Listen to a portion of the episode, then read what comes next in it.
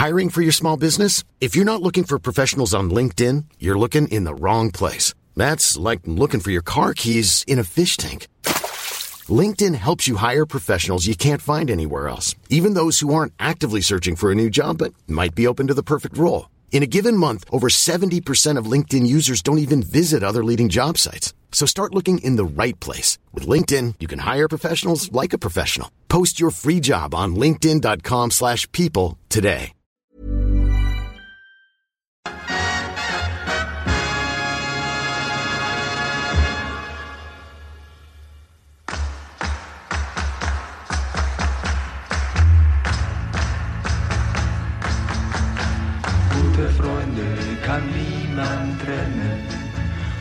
Gute Freunde sind nie allein, weil sie eines im Leben können, füreinander da zu sein.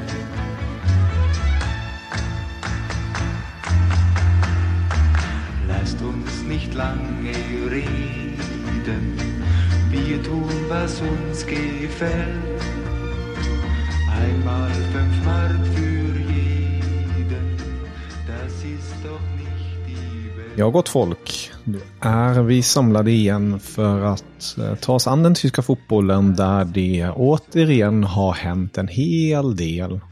För det mesta vid sidan om planen, nästan, kan man säga. I alla fall när man väl tänker på ditt kära HSV, eller hur Filip? Ja, vi snackade ju här lite innan vi satte igång inspelningen om vad vi skulle eh, ta upp i det här avsnittet. Och som du själv märkte så hade jag nästan glömt bort hela cirkusen kring, eh, kring HSV här. Men det är väl lika bra att vi river av plåstret va? Mm, det tycker jag för att i början på veckan så kom nyheten, eh, inte som en eh, blixt från klarbar himmel precis, men din, din kära Walter, han har fått lämna nu. Japp. Och det var ju inte en dag för tidigt att det hände. Alltså jag propagerade ju för att han skulle få sparken under vinteruppehållet. Och det hade varit bäst timing sett till då att den nya tränaren hade kunnat få svetsa ihop spelarna lagom till återstarten och sätta sin prägel på laget. Men nu blev det som jag befarade att nu händer det istället efter bara ett fåtal matcher in på vårsäsongen. Och än så länge är det inte någon ny tränare på plats i heller, så att det är väldigt oklart här vad som ska hända. Men eh, optimalt är det inte. Samtidigt så är det ju en liten hoppfull känsla för att under Walters styre så kände jag att det här kommer inte leda till att vi tar steget upp. Och det har vi sett tidigare år. Man har varit nära, men i slutändan så har det hela tiden skitit sig. Men nu är det ändå ganska många matcher kvar att spela, så att eh, ja, det, det, förutsatt att det kommer in någon som vet vad han gör och som kan få ut det bästa av den här truppen så känns det faktiskt som att möjligheterna är ganska goda till att vi ser HSV Bundesliga från och med i höst. Mm. Det var ju en väldigt turbulent helg. I slutändan blev det ändå rätt så tacksamt för, för er, HSV, med tanke på att ni startade helgen i fre på fredagen med att förlora mot Hannover med 3-4. Och då kunde det ju rent resultatmässigt gått riktigt illa, men eh, Pauli, de eh, förlorade överraskande nog mot Magdeburg. Och sen sedan på söndagen förlorade Greuther Fürth mot Hertha på hemmaplan. Men den stora vinnaren den här omgången är ju självfallet Holstein Kiel som vinner mot ett, med 1-0 mot Schalke som därmed då puttar ner er på tredjeplatsen och kvalplats. Men rent poängmässigt är det just nu så att Pauli har 42, Kiel har 39, Hamburg har 37 och Greuther Fürth har 35 och där bakom är Hannover, Paderborn och Fortuna Düsseldorf. Ja, vi har ju en uh, topp 7 här fortfarande. Det pratade vi nog om förra veckan också tror jag. Mm. Att, uh, jo men det gjorde vi när jag skulle förutspå lite hur det skulle gå här för HSV i resten av ligan. Så att, jo, det är ju samma sju lag här som fortsätter att hålla i. Uh, men som du säger, väldigt tacksamt att St. Pauli, det var deras första förlust för den här säsongen. Om man Mm. räknar bort uh, i, i kuppen då, där de åkte ut mot Kais... Nej, det var mot Düsseldorf de åkte ut, ja. Och så här åkte ut mot Kaiserslautern. Men ja, St. Pauli har ju då kanske börjat vackla lite här och det är ju välkommet med tanke på hur bra de har gått tidigare. Sen både Greuther Fürth och Kiel är jag egentligen inte jätterädd för, för att de kommer blanda och ge. Och det är ju samma sak här med Hannover, Paderborn och Düsseldorf. Det som är problemet är att HSV också blandar och ger. Till exempel nu mot Hannover då. Alltså att man förlorar med 4-3 för andra hemmamatchen i rad. Det säger ändå någonting. Alltså visst, man gör målen framåt och det är ju bra, men det är framförallt det bakåt som saker och ting måste, måste, måste bli bättre här under våren. Mm. Ja, men hur, hur känns det nu då? Det, det självklara namnet som florerar direkt och som vi har pratat om tidigare är ju Steffen Baumgart, att han ska nu kliva in i HSV. Vissa andra skämtar runt med att Labadia ska åter, göra en återkomst till, till HSV. Och sen har ju till och med Felix Magath slängt in sitt egna namn där, att han kan komma som en uh, räddare på, eller riddare rättare sagt, på en vit häst. Vad, vad vill Ja, du helst? Räddande riddare. Räddande riddare. Um, vad jag väljer helst? Mm. Alltså jag kan ju vara ärlig med att säga att jag trodde väl vid det här laget att Steffen Baumgart skulle ha varit presenterad. Mm. För jag kände ju att när HSV väl tog det här beslutet att sparka Walter, och det har man ju märkt att det har tagit emot styrelsen att göra detta, för att de har gillat Walter. Och det har väl allihopa runt omkring klubben också gjort i grund och botten. Men det är väl bara det att saker och ting har inte fungerat. Men eh, nu när beslutet väl togs så var jag ganska övertygad om att man redan skulle ha en ersättare på plats. Så att när man höll presskonferens senare på dagen, när Jonas Bolt då, som är någon form av klubbchef kan man säga, eh, höll presskonferens, det trodde jag att man samtidigt skulle presentera Baumgart. Men eh, nej, det har man inte gjort.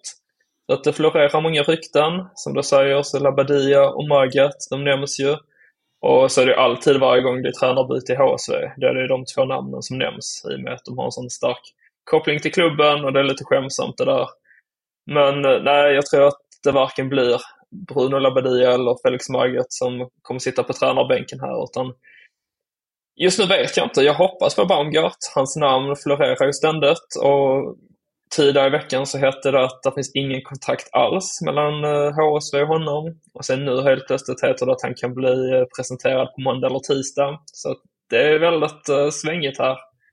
Mm. Så att jag, jag sitter väldigt lugnt i båten här. Jag försöker inte tänka så mycket på det. Har haft mycket annat privat här att tänka på, vilket är skönt nästan, så att jag slipper ha detta att uh, ha huvudbry över. Uh, och det är ju sagt att så länge så kommer ju Merlin Poltzin vara interimtränare. Uh, och det är ju ett namn, han är 33 bast, ett namn som inte är så vida känt, men som spår ska en lysande framtid till möte som tränare och det heter ju att gör han bra resultat här nu så kommer det eventuellt bli han som får förtroendet. Och det är ju alltid spännande med unga nya tränare, men jag vet inte tusen om det är det vi behöver just nu.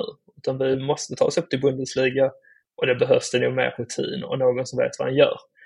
Så att jag, jag har inget emot då Poltsen här, men jag vill ju inte se fler chansningar utan nu måste det vara säkra kort som gäller. Så att i min värld så är Baumgart det bästa alternativet just nu och sen får man utvärdera efter eh, säsongen här, även om han tar, lyckas ta HSV upp till Bundesliga, om det är rätt att fortsätta där med honom. Men nu är det enda vi måste fokusera på är att återvända till Bundesliga. För att nu är vi inne på sjätte säsongen här och håller på att än en gång spela bort uppflyttning på eget bevåg. Och det, det håller bara inte. Ja, du gör ju inte det. Och precis som du är inne på, nu, nu, är, det, nu är det dags. Nu är det dags. Ja, men nu är det allvar för en gångs skull. Mm. Nej, men alltså, nu har vi ändå haft samma tränare sedan 2021. Så att det är lång tid och Walter har nog gjort en del bra men mycket dåligt också. Så att jag bara känner att ska man, ska man nu Alltså vi, vi, kan inte, vi kan inte ha en ny period här nu där vi ska acceptera att det tar två, tre år för en ny tränare att, att svetsa ihop ett lag som kan vara redo att ge sig kast med en uppflyttning. Utan det måste hända nu helt enkelt. Så att, uh, en uppflyttning är allt som gäller och då får klubben uh, se till att det sker också. Mm. Ja, det ska bli väldigt spännande att följa det här dramat i HSV med tanke på att det, det, det är fortfarande många matcher kvar att spela den här säsongen men ändå inte allt för många. Vi är nu inne redan i februari, sen kommer mars och sen kommer april som alla vet och sen är maj. Så det, det, det går fort nu, speciellt när ja, dessa det. vårmånader kliver fram från mörkret. Och det ska bli väldigt eh, roligt ändå att bevittna den här slutstriden i Zweite Bundesliga. För att jag tror ändå, ur ett positivt perspektiv för HSV, att, att Paulis framfart ger ju extra extra fart i det hela. Alltså man, man får ju extra energi av det som HSV-supporter men även som HSV-spelare att vänta nu, om de nu ska gå upp, vad, fa vad fan gör vi i ett Zweite Bundesliga då? Lite så.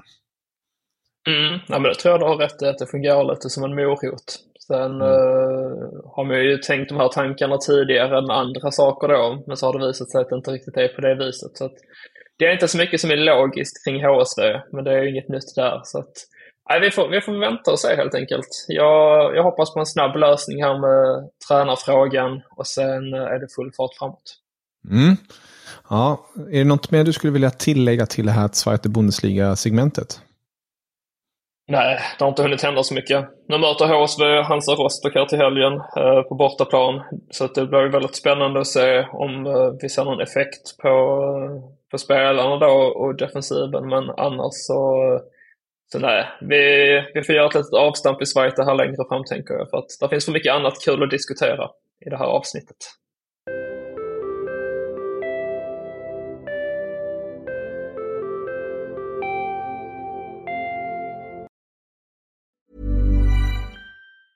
Hey, I'm Ryan Reynolds. Recently, I asked Mint Mobile's legal team if big wireless companies are allowed to raise prices due to inflation. They said yes. And then when I asked if raising prices technically violates those onerous two-year contracts, they said, what the f*** are you talking about, you insane Hollywood ass?" So to recap, we're cutting the price of Mint Unlimited from $30 a month to just $15 a month. Give it a try at mintmobile.com slash switch. $45 up front for three months plus taxes and fees. Promoting for new customers for limited time. Unlimited more than 40 gigabytes per month. Slows. Full terms at mintmobile.com. Millions of people have lost weight with personalized plans from Noom. Like Evan, who can't stand salads and still lost 50 pounds. Salads generally for most people are the easy button, right? For me, that wasn't an option. I never really was a salad guy. That's just not who I am. But Noom worked for me. Get your personalized plan today at Noom.com. Real Noom user compensated to provide their story. In four weeks, the typical Noom user can expect to lose one to two pounds per week. Individual results may vary. Mm. Ja, det är ju precis som du är inne på, hänt en hel del eh, i Bundesliga, men framförallt då kanske en viss klubb. Men vi, vi kan ju ta det om två sekunder, eh, bara som Bild skrev det fint. Ehm, K-frågan är just nu väldigt aktuell i Dortmund.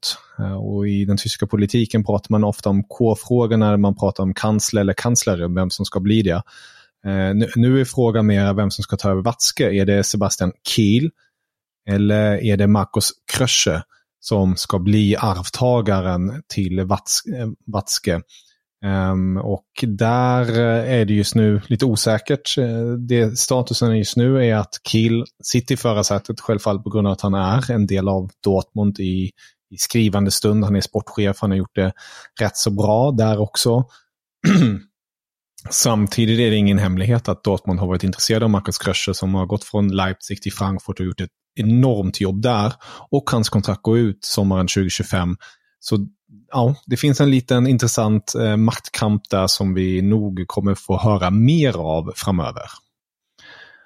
Bara, eh, korta tankar där. Har du någonting att tillägga eller någonting du tänker på? Egentligen inte, men att jag tyckte det var tråkigt om Krösche lämnar Frankfurt. För att mm. Frankfurt känns lite som i den här klubben, lite som Dortmund också gör, att man har hela tiden någonting på gång, men det saknas hela tiden en sista pusselbit.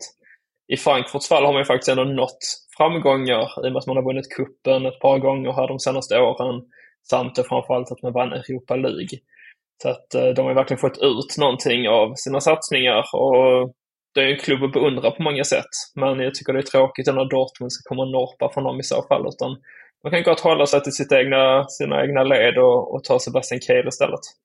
Mm, ja, vi får eh, följa den utvecklingen helt enkelt. Men den stora snackisen har ju självfallet varit FC Hollywood 2.2000 eller vad vi är nu uppe i. För att det har, eh, jag vet inte ens var vi ska börja.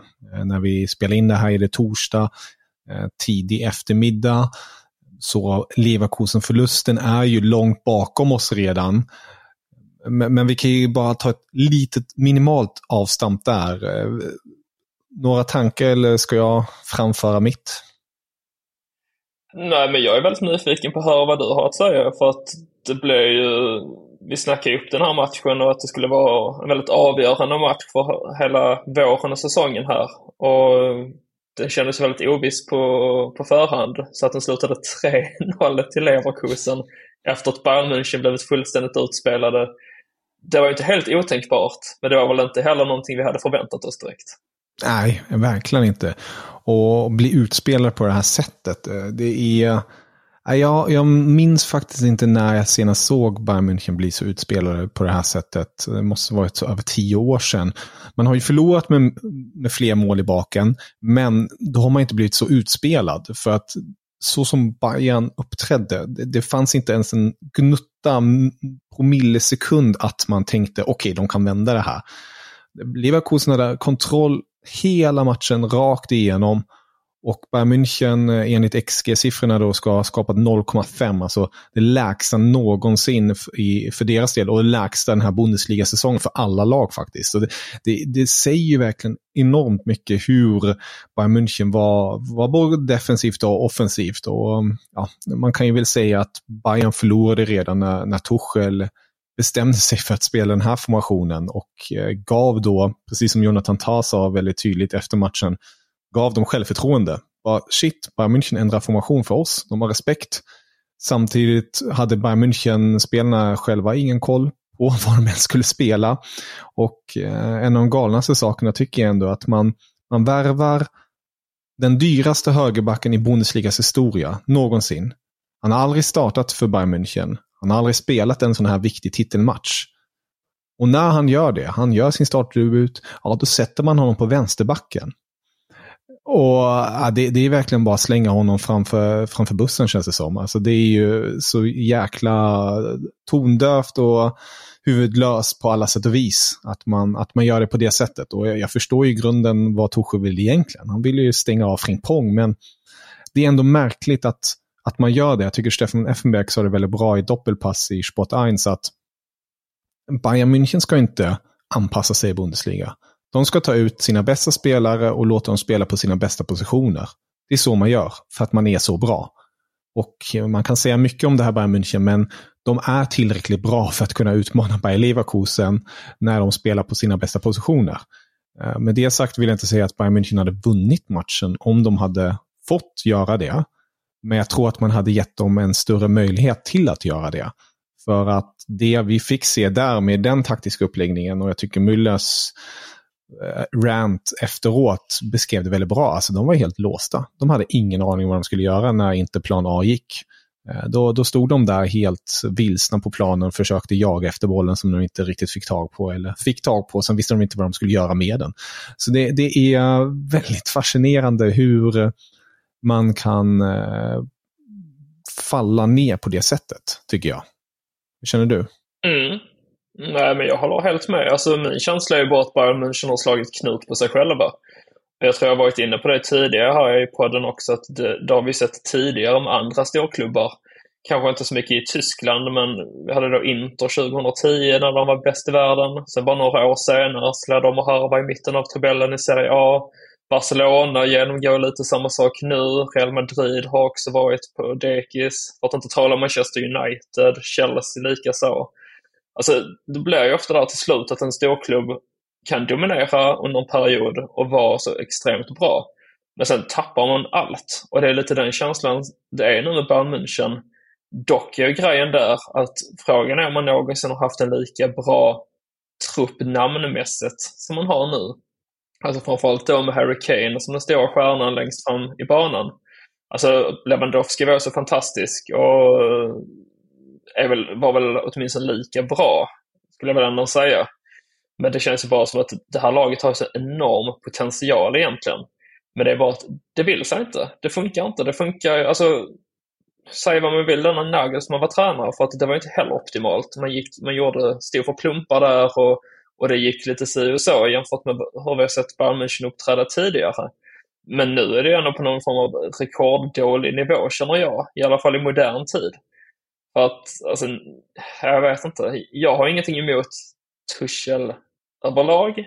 Men det känns ju inte som att han är rätt man för den här uppgiften. Alltså, jag förstår hur Bayern München tänkte när man plockade in honom då för snart ett år sedan. Men det, det har ju inte fungerat. Det kan vi ju bara konstatera. Verkligen. Och, och man ska ju väl också bara sätta sidospår här, bara för att klargöra. Tuchel är ytterst ansvarig för de här resultaten som har skett de senaste tiden. Samtidigt måste man vara tydlig med att det är en extremt märklig situation i Bayern München som man märker av så tydligt med den här spelartruppen och med hur eh, hela uppbyggnaden är i, i Bayern i dagsläget. Det är först nu senare under våren Max Eber kommer komma in och man börjar starta om på nytt för att försöka hitta en ny grund som ska kunna överleva utan Olle Hunes och Karl-Heinz Rummenigges involvering. För att det Oliver Kahn och Brasse gjorde när de ledde Bayern München de senaste åren, de la enorma pengar i löner. De kastade pengar och vissa spelare struntade de sen i. Till exempel med Alaba. Där lät man det kontraktet gå ut för att man ville ge Lucas Hernandez plats. Man höjde lönerna rejält på en Serge Gnabry och eh, till exempel en Kimmich. Eh, med all rätt till en viss del. Men de här drastiska höjningarna har verkligen lett till en form av mättnad och Alltså det, det är bara märkligt rent strukturellt just nu i, i Bayern München. Och Det har ju då lett till att man har gjort så här, nyvärvning, nyförvärv, nyförvärv, nyförvärv. Och tittar man egentligen de senaste fem åren vad de har gjort för nyförvärv. Det är knappt någon spelare som har blivit något ordentligt. Alltså det har blivit antingen totalflopp Eh, antingen eh, har det varit en desperat värvning, så här Bonassar är ju en sån, jag tror all respekt till Massori, men jag tycker också att han är, en, han är egentligen ingen Bayern München-spelare. Jag förstår inte hur den värvningen kom till på det sättet. Eh, Gravenberg kändes en där värvning som, oh, potential, men varför, vänta nu, varför värvar Bayern München honom? Det finns ingen plan riktigt där. Samma sak med Sadio Mané, alltså extremt märkliga värvningar genom åren. Men ja, kvalitetsspelare. Och det är väl där vi hamnar till slut. att Torshäll har tillgång till en väldigt bra trupp, rent kvalitetsmässigt. Ehm, det finns självklart kanske inte den bästa mentaliteten just nu. Man behöver någon form av nytändning, man behöver lite driv i det hela eh, och hitta ett sätt att spela på. Jag tycker, och vi pratade om det förra året, jag tycker ändå att Nagelsmann hade, hade det till en viss del i Bayern München. Men i hans sista säsong då fick han ju på något vis trolla med laget för att det var så extremt skevt byggt. Man hade ingen Lewandowski längre. Och, han, och man fick en Sadio Mané istället, som är en helt annan spelartyp. Hade Nagelsmann fått Kane i sitt lag, då tror jag att vi hade fått se något helt annat.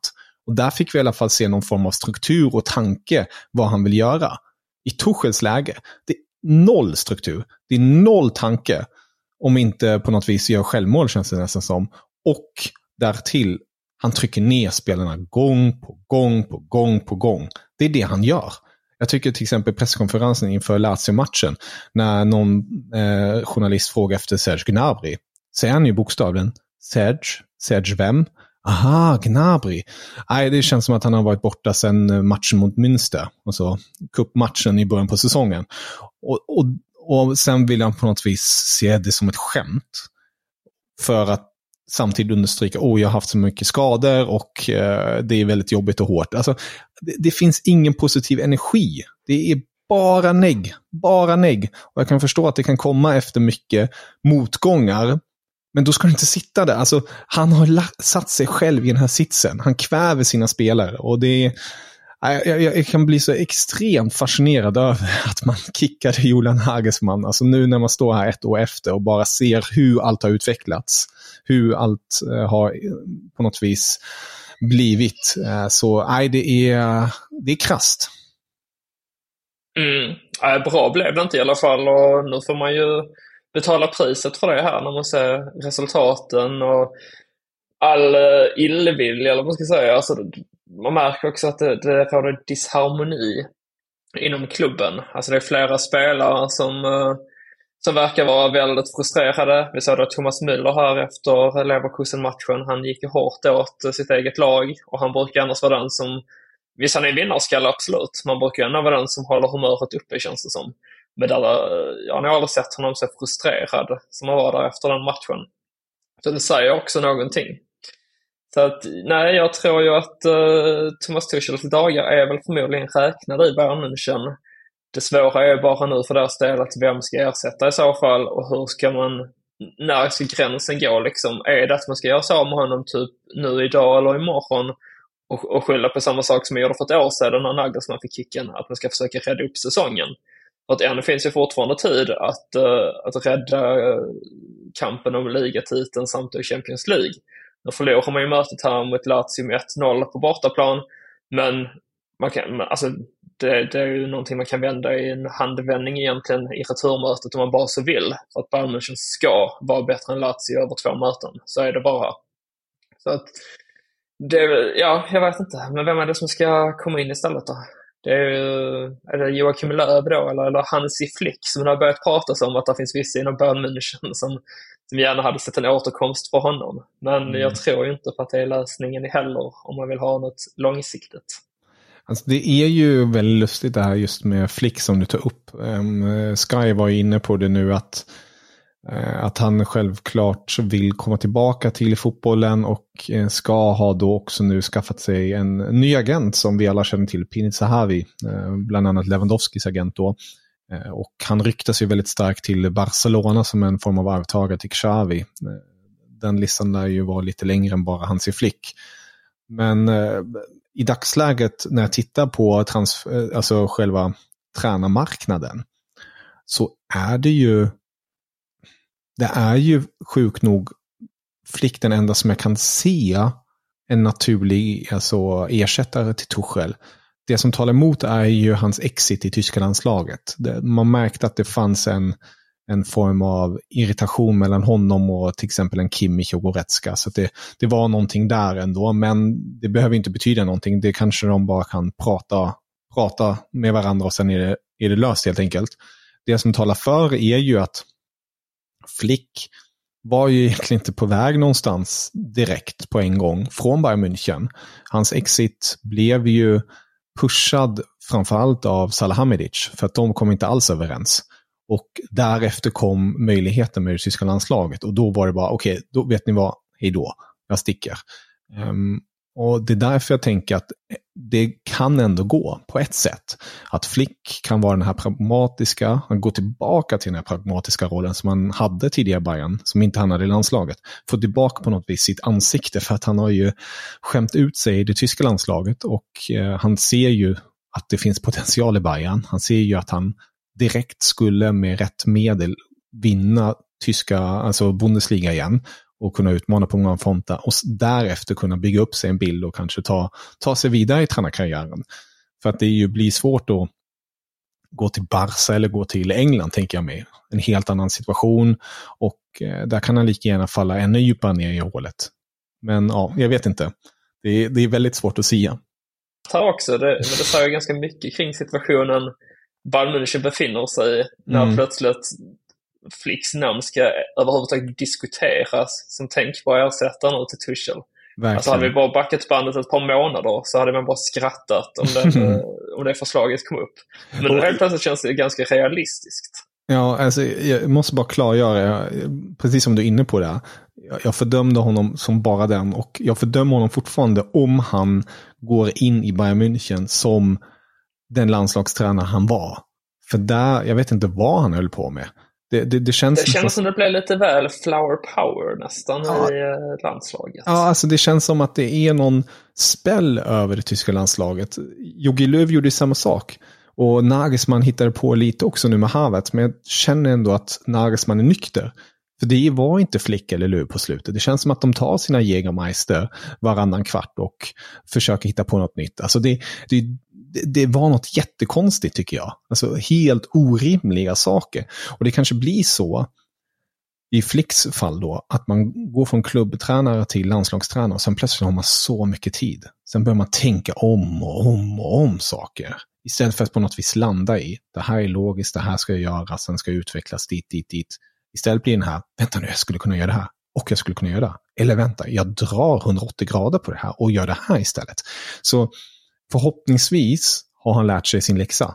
Att man verkligen bara ska på något vis vara den som han eh, är bäst på att vara, nämligen han är egentligen en bra människokännare och är lite nu ska vi inte jämföra med Ancelotti, eh, han är ju ett par klasser över honom, men att just det här använda sig av materialet som finns och utnyttja det helt enkelt. Men eh, det får Men det är också där Tuchel brister ju. Han Mm, är ju ingen människokännare. Och det har man ju märkt i alla klubbar han har varit i. Han kan ju inte hantera en spelartrupp i det långa loppet. Han kan komma in och han kan göra förändringar och han kan göra förbättringar. Men sen går det lite tid och sen börjar det svänga neråt och det går det ganska så kraftigt. Och det är ju därför han har fått kicken från de klubbarna han har varit tidigare. Mm. Så jag tror inte han är rätt man på den här nivån egentligen. Och kanske inte som huvudtränare. Sen är det fortfarande en kompetent person. Och han har ju en bra, ett, bra, ett gott öga till fotboll generellt. Men jag tror inte att han ska vara huvudtränare och inte vara ensam huvudtränare i alla fall. Utan han skulle nog ingå i en duo. Kanske han tillsammans med Flick i så fall. Något som hade pallat med i Tuchel. Men det är frågan om det går att finna någon sådan. Mm. Ja, jag förstår vad du menar. Jag trodde faktiskt att han hade också skrevs ju mycket om det, de som var nära honom och de som träffade honom på nytt, att han har blivit mindre inåtvänd och mer lyssnande. Något man behöver vara för att vara tränare på den här nivån. Men det är tydligt att eh, så är inte fallet till 100 procent. Ja, ja, eh, det ska bli jävligt Jag spännande. tror bara inte det ligger honom naturligt att vara det. Utan att om, om han har gjort förbättringar så har det varit av tvång. Men han har inte det här, han kan inte själv se behovet av det. Utan det är någon som berättar för honom att nu får du nog gå och prata lite med Gnabry här till exempel och, och stötta och trösta honom lite. Men jag tror inte att det kommer till honom naturligt. Och det har vi ju sett andra tränare varit likadana, att de inte har bemött sina spelare på ett respektfullt vis. Och när man jobbar så tätt tillsammans som man gör i en fotbollsklubb och inom ett, en spelargrupp så krävs det att ledaren där ser och hör alla. För att annars kommer det inte sluta lyckligt. Och just nu verkar det som att Tuchel har bränt sina eh, chanser och skepp redan. För att enligt det här spelarrådet då så ska det vara, det var väl du som tweetade ut det häromdagen, att tre av fyra spelare där ska inte, står inte bakom honom. Nej, och det är det som är frågan nu helt enkelt. Hur, hur den ska fortsätta. Enligt eh, Bildt och Sky ska ju Tuchel i alla fall sitta på tränarbänken nu på söndag mot Bochum. Men eh, hans eh, tillvaro i München är inte garanterad till sommaren längre. Det förstår man ju till alla sätt och vis. Um, jag gissar väl på... Eller blir det Nagelsmann som kommer tillbaka efter säsongen? nu när Kahn och Bratz är borta. Att det hade ju, det hade ju varit någonting. Det hade verkligen Alltså det känns ju nästan mer troligt än att Flick kommer tillbaka. Nej, jag tror, jag, ah, jag vet inte. Men ja, vem vet, alltså. Vi säger nu att eh, Nagelsmann gör jävligt bra EM i Tyskland. Eh, kom överens med alla Bayern-spelare där också. Neuer tänker jag på fram, framförallt där då. Eh, han kommer ju bli uppkallad nu till mars eh, samling. Eh, och, och på något vis eh, löser det på ett fint sätt där och så. Så ja, det, det är inte helt orimligt, det har du rätt i. Det men samtidigt... Ja, sagan fortsätter här. Ja. Vi, vi skulle kunna prata i timmar mer på det här FC Hollywood-ämnet, men eh, vi, vi återkommer helt enkelt till det senare. När det finns ännu mer att ta i. Med det sagt, Filip, är det någonting mer du skulle vilja se innan vi stänger butiken för den här gången? Nej, alltså Europaspelet är igång nu. Men det var ingen... Det har ju inte varit en tacksam vecka eller lyckosam vecka här för de tyska klubbarna än så länge. Vi hade Leipzig och Bayern då förlorade sina första möten här. Leipzig med 1-0 mot Real Madrid och Bayern München 1-0 mot Lazio. Den här idag torsdag medan vi spelar in, så... Eh, eller medan vi spelar in, men senare idag efter vi har spelat in här så kommer ju Freiburg istället mot Lens i Europa League Mm. och Frankfurt kommer att ta sig an här sånt. Ja, hur ska vi uttala detta, Kevin? Det är nu vi hade behövt Axel Olsson här. Exakt, han får kliva in här tycker jag. Den belgiska klubben som Gustav Nilsson har representerat, så kan vi säga, Ja, kommer Frankfurt att möta klockan 18.45. Så att eh, vi får väl se hur det går där. Men annars hittills har det varit en mörk vecka i Europa för de tyska klubbarna. Så det är ingenting vi behöver prata mer om. nej, vi får återkomma till Europaspelet och ligaspelet nästa vecka helt enkelt, när det spelas mera som det gör. Men med det sagt, Filip, tack för den här gången. Du, tack själv. Så önskar jag alla en trevlig helg och att vi får en ny händelserik helg här framför oss. Det känns som att mycket kommer att kunna hända. Jawohl, auf Wiedersehen. Ich habe fertig.